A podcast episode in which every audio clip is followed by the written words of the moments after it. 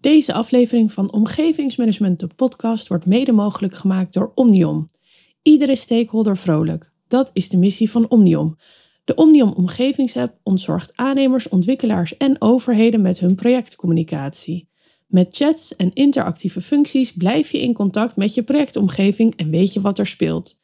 Met de Omnium Omgevingsapp ga je voor een optimaal tevreden omgeving en zorg je dat je altijd een onderscheidend verschil maakt. Omnium. Iedere stakeholder vrolijk.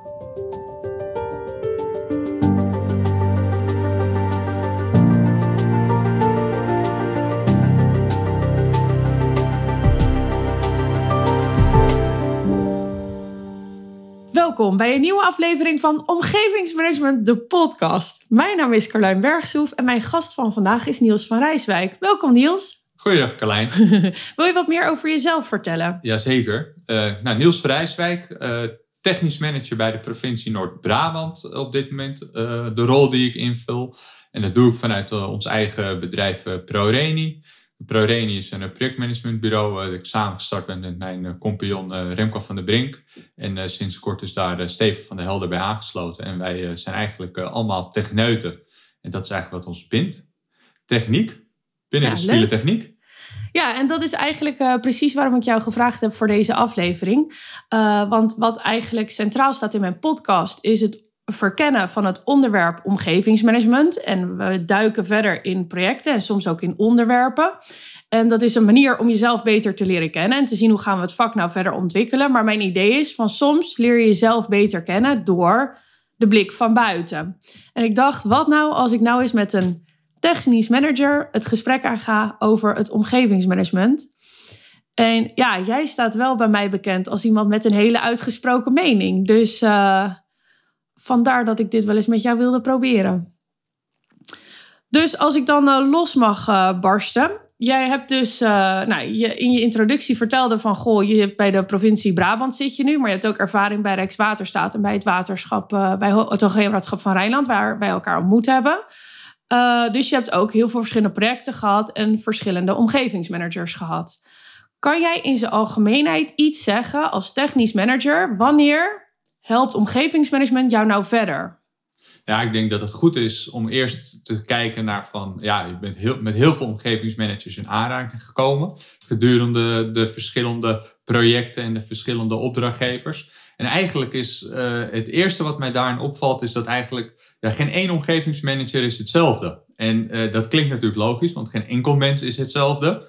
Maar er bestaat niet zoiets als een opleiding voor omgevingsmanagement. Zoals je dat natuurlijk in het vakgebied civiele techniek wel hebt. Daar heb je natuurlijk gewoon ja, uh, de opleiding civiele techniek of verkeerskunde, maar dat is heel erg aan elkaar gerelateerd. En het interessante is aan omgevingsmanagement dat uh, de omgevingsmanagers die komen van allerlei opleidingen, achtergronden. Uh, je ziet daar ook uh, heel, hele grote verschillen in niveau. Dus ja, dat, dat is het eerste. En als je dan kijkt naar omgevingsmanagers, wat moeten die mij nou komen brengen? Of wat, wat kan ik met hun samen goed oppakken? Ja, dan, dan gaat het eigenlijk niet over één iets specifiek. Maar het gaat er gewoon om dat je als technisch manager en omgevingsmanager moet een bepaalde chemie zijn om het met elkaar, uh, ja, de opgave die er ligt, en dat is meestal in de ruimtelijke sfeer, om die goed op te pakken. En dan is het heel fijn als een omgevingsmanager zich kan verplaatsen in de techniek die je met elkaar wil gaan uitvoeren. Of dat nou het aanleggen van een weg is, of van een waterkering, of van een gemaal bouwen. Maar als je daar met elkaar snapt wat je aan het doen bent qua inhoud, dan is het heel belangrijk. Ik moet gelijk erbij zeggen dat het ook omgekeerd uh, geldt. Dat als technisch manager het heel fijn is als je begrijpt waarvoor een omgevingsmanager nou af en toe met lastige vragen komt. Uh, maar ook waarvoor sommige dingen af en toe misschien handiger zijn om niet te zeggen. Uh, dat kom je ook wel eens tegen. Zit toch iets van, ja, hoe moet je dat zeggen? smaakverschil in qua mensen, techneuten en omgevingsmanagers. Maar ja, uh, dat, dat geldt eigenlijk voor het hele IPM-werken. Ja, ja, nou dat vind ik allemaal uh, heel, heel mooi verteld. Hey, en kan je nou een voorbeeld geven van een project waarin je echt zegt van nou, daar liep het nou echt als een trein met omgevingsmanagement? Uh, nou ja, het, het, project waar ik nu aan werk, bij het, de realisatie van de N395 tussen Hilvarenbeek en Oorschot. Ik denk dat daar in het omgevings team. Dan moet de aannemer die het werk uitvoert ook credits vergeven. En de omgevingsmanagers die er aangewerkt hebben. Ja, dat gaat goed. Uh, weinig klachten vanuit de omgeving. Klachten die er zijn worden adequaat uh, opgepakt. En op het moment dat er dan oplossingen verzonnen moeten worden, omdat iets technisch toch niet haalbaar blijkt, dan zijn de lijnen kort, wordt er snel met elkaar geschakeld, staan we snel buiten fysiek om te kijken van wat kunnen we nou oplossen en hoe kunnen we nou ook die bewoners of andere partijen helpen om hun probleem, waar zij zo direct als wij weg zijn na het project dagdagelijks mee geconfronteerd worden, ja, te verhelpen of te verbeteren. Uh, ja, dat, dat gaat heel goed. Ja, dus het klinkt gewoon echt wel als je, alsof jullie zeg maar met OG en ON wel echt als één team samenwerken. En dan ook technisch management, omgevingsmanagement.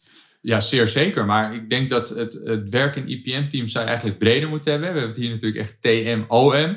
Ja. Maar het is natuurlijk uiteindelijk een, met z'n vijven en uh, misschien wel zelfs met z'n zessen.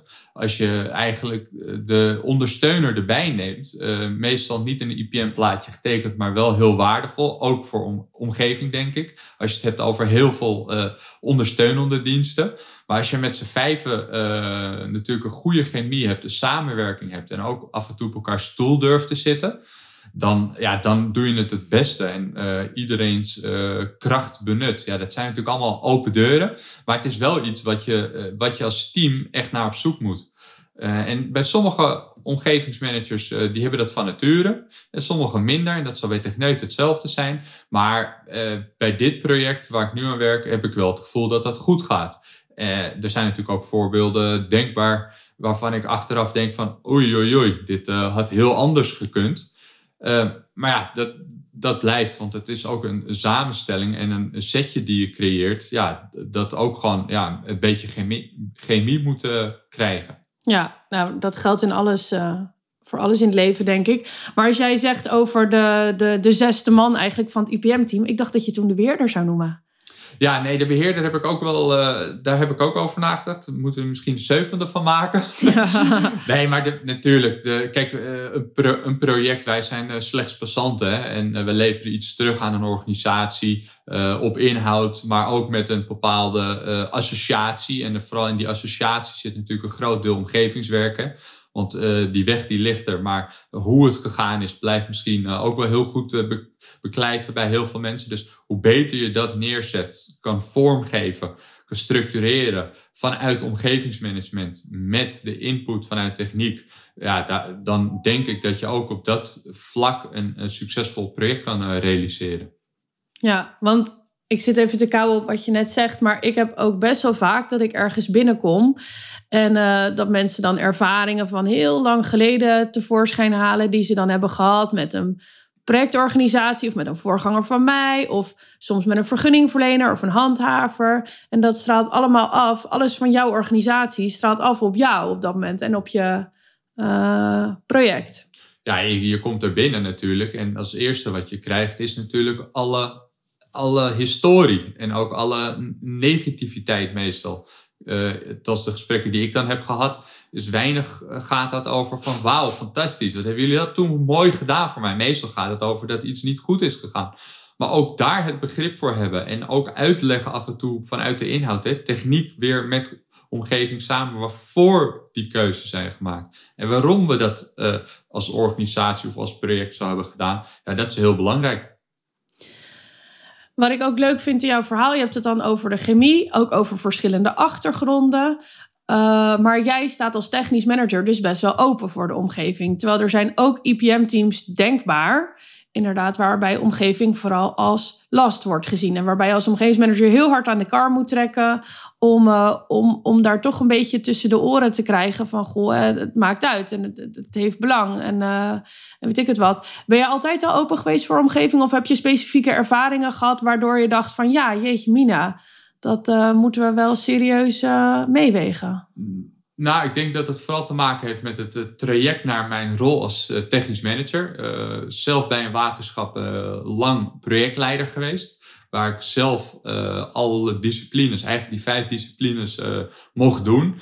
En daar ook wel um, ja, met schade en schande geleerd dat als je de omgeving niet voldoende aandacht geeft of niet op een adequate manier meeneemt in je plannen, in je ideeën, ja, dat je de mooiste ideeën kan hebben op inhoud, techniek.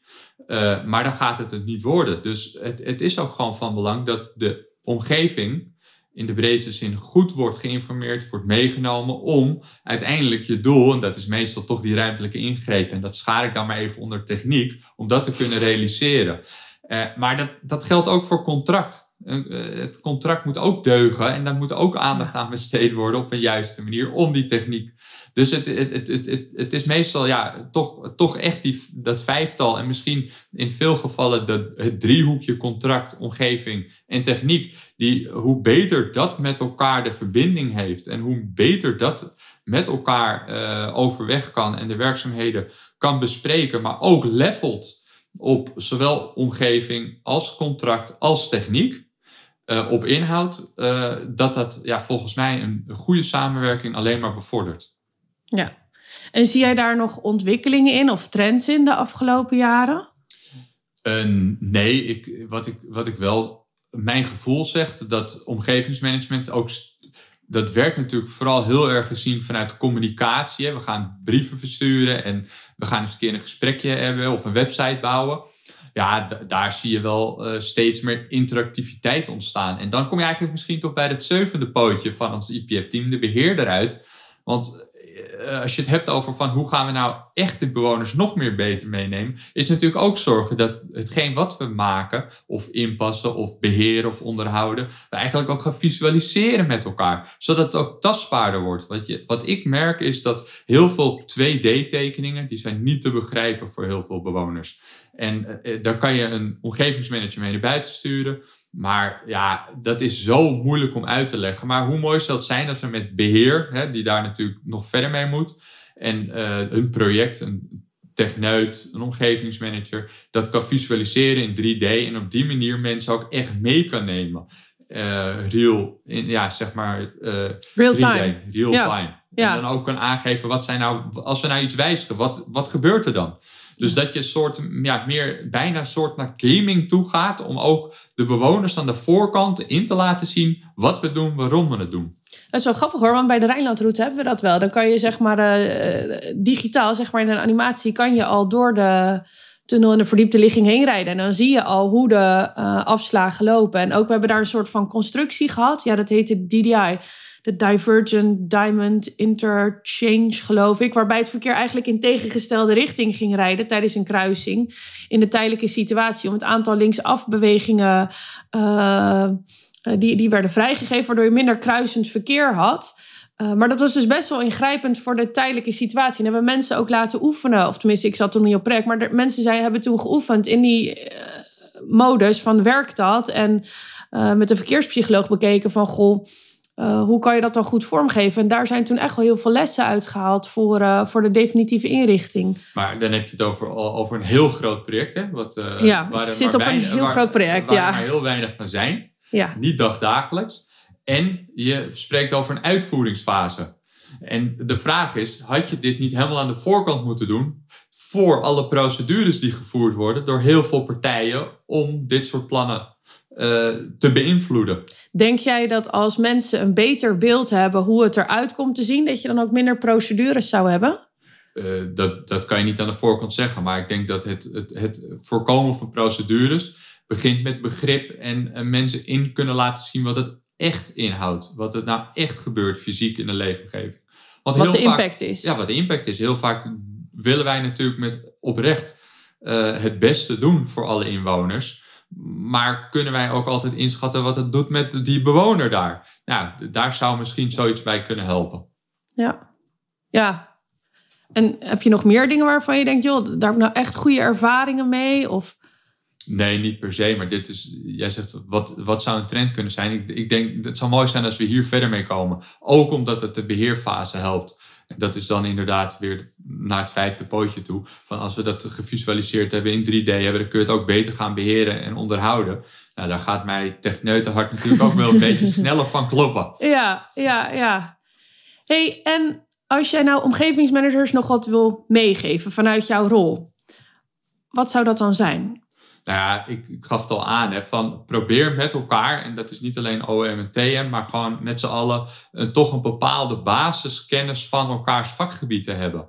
Uh, en zodat het begrip over en weer groter wordt. ja, dat zou mijn tip zijn voor teams in het algemeen. En niet zozeer voor OM of voor een TM, maar gewoon in het algemeen. en denk daar aan de voorkant ook wel beter over na, denk ik, van hoe je dat dus samenstelt. Zodat dat lekker gaat levelen en waardoor je dus makkelijker met elkaar door zo'n project rolt als team. Nou, ik denk ook dat het goed is om daarin te blijven investeren, gaandeweg, zeg maar. Ja, zeker. In ja. zo'n uh, in zo'n chemie. Ja. Nou, Niels, dankjewel. Het is, uh, ik, uh, ik vond het heel leuk. Ik krijg ook wel een beetje het gevoel bijna dat ik de andere IPM-rollen ook moet spreken om, uh, om hun blik hierop te, te horen. Vooral als ik je zo hoor over contractmanagement, denk ik van, goh, dat, dat zou er dan nog wel eens eentje kunnen zijn om... Ik denk dat het een, um, een mooie start is van een reeks. Uh, OM meets de andere rollen. Oh. Uh, en, en, vergeet uh, wij het, de projectbeheerser niet en de beheerder niet. Want dat zijn nee. ook denk ik hele belangrijke stakeholders binnen je project. Ja, nou, dankjewel. Genoeg om, om, om het gesprek mee te voeren. Maar ik vond het heel leuk om jouw visie te horen. Dus dankjewel daarvoor. En uh, nou, mocht je het leuk vinden om dus uh, meer te horen over omgevingsmanagement, meer te leren over omgevingsmanagement, dan uh, heb ik op 27 juni mijn eerstvolgende cursus omgevingsmanagement. Bedankt voor het luisteren.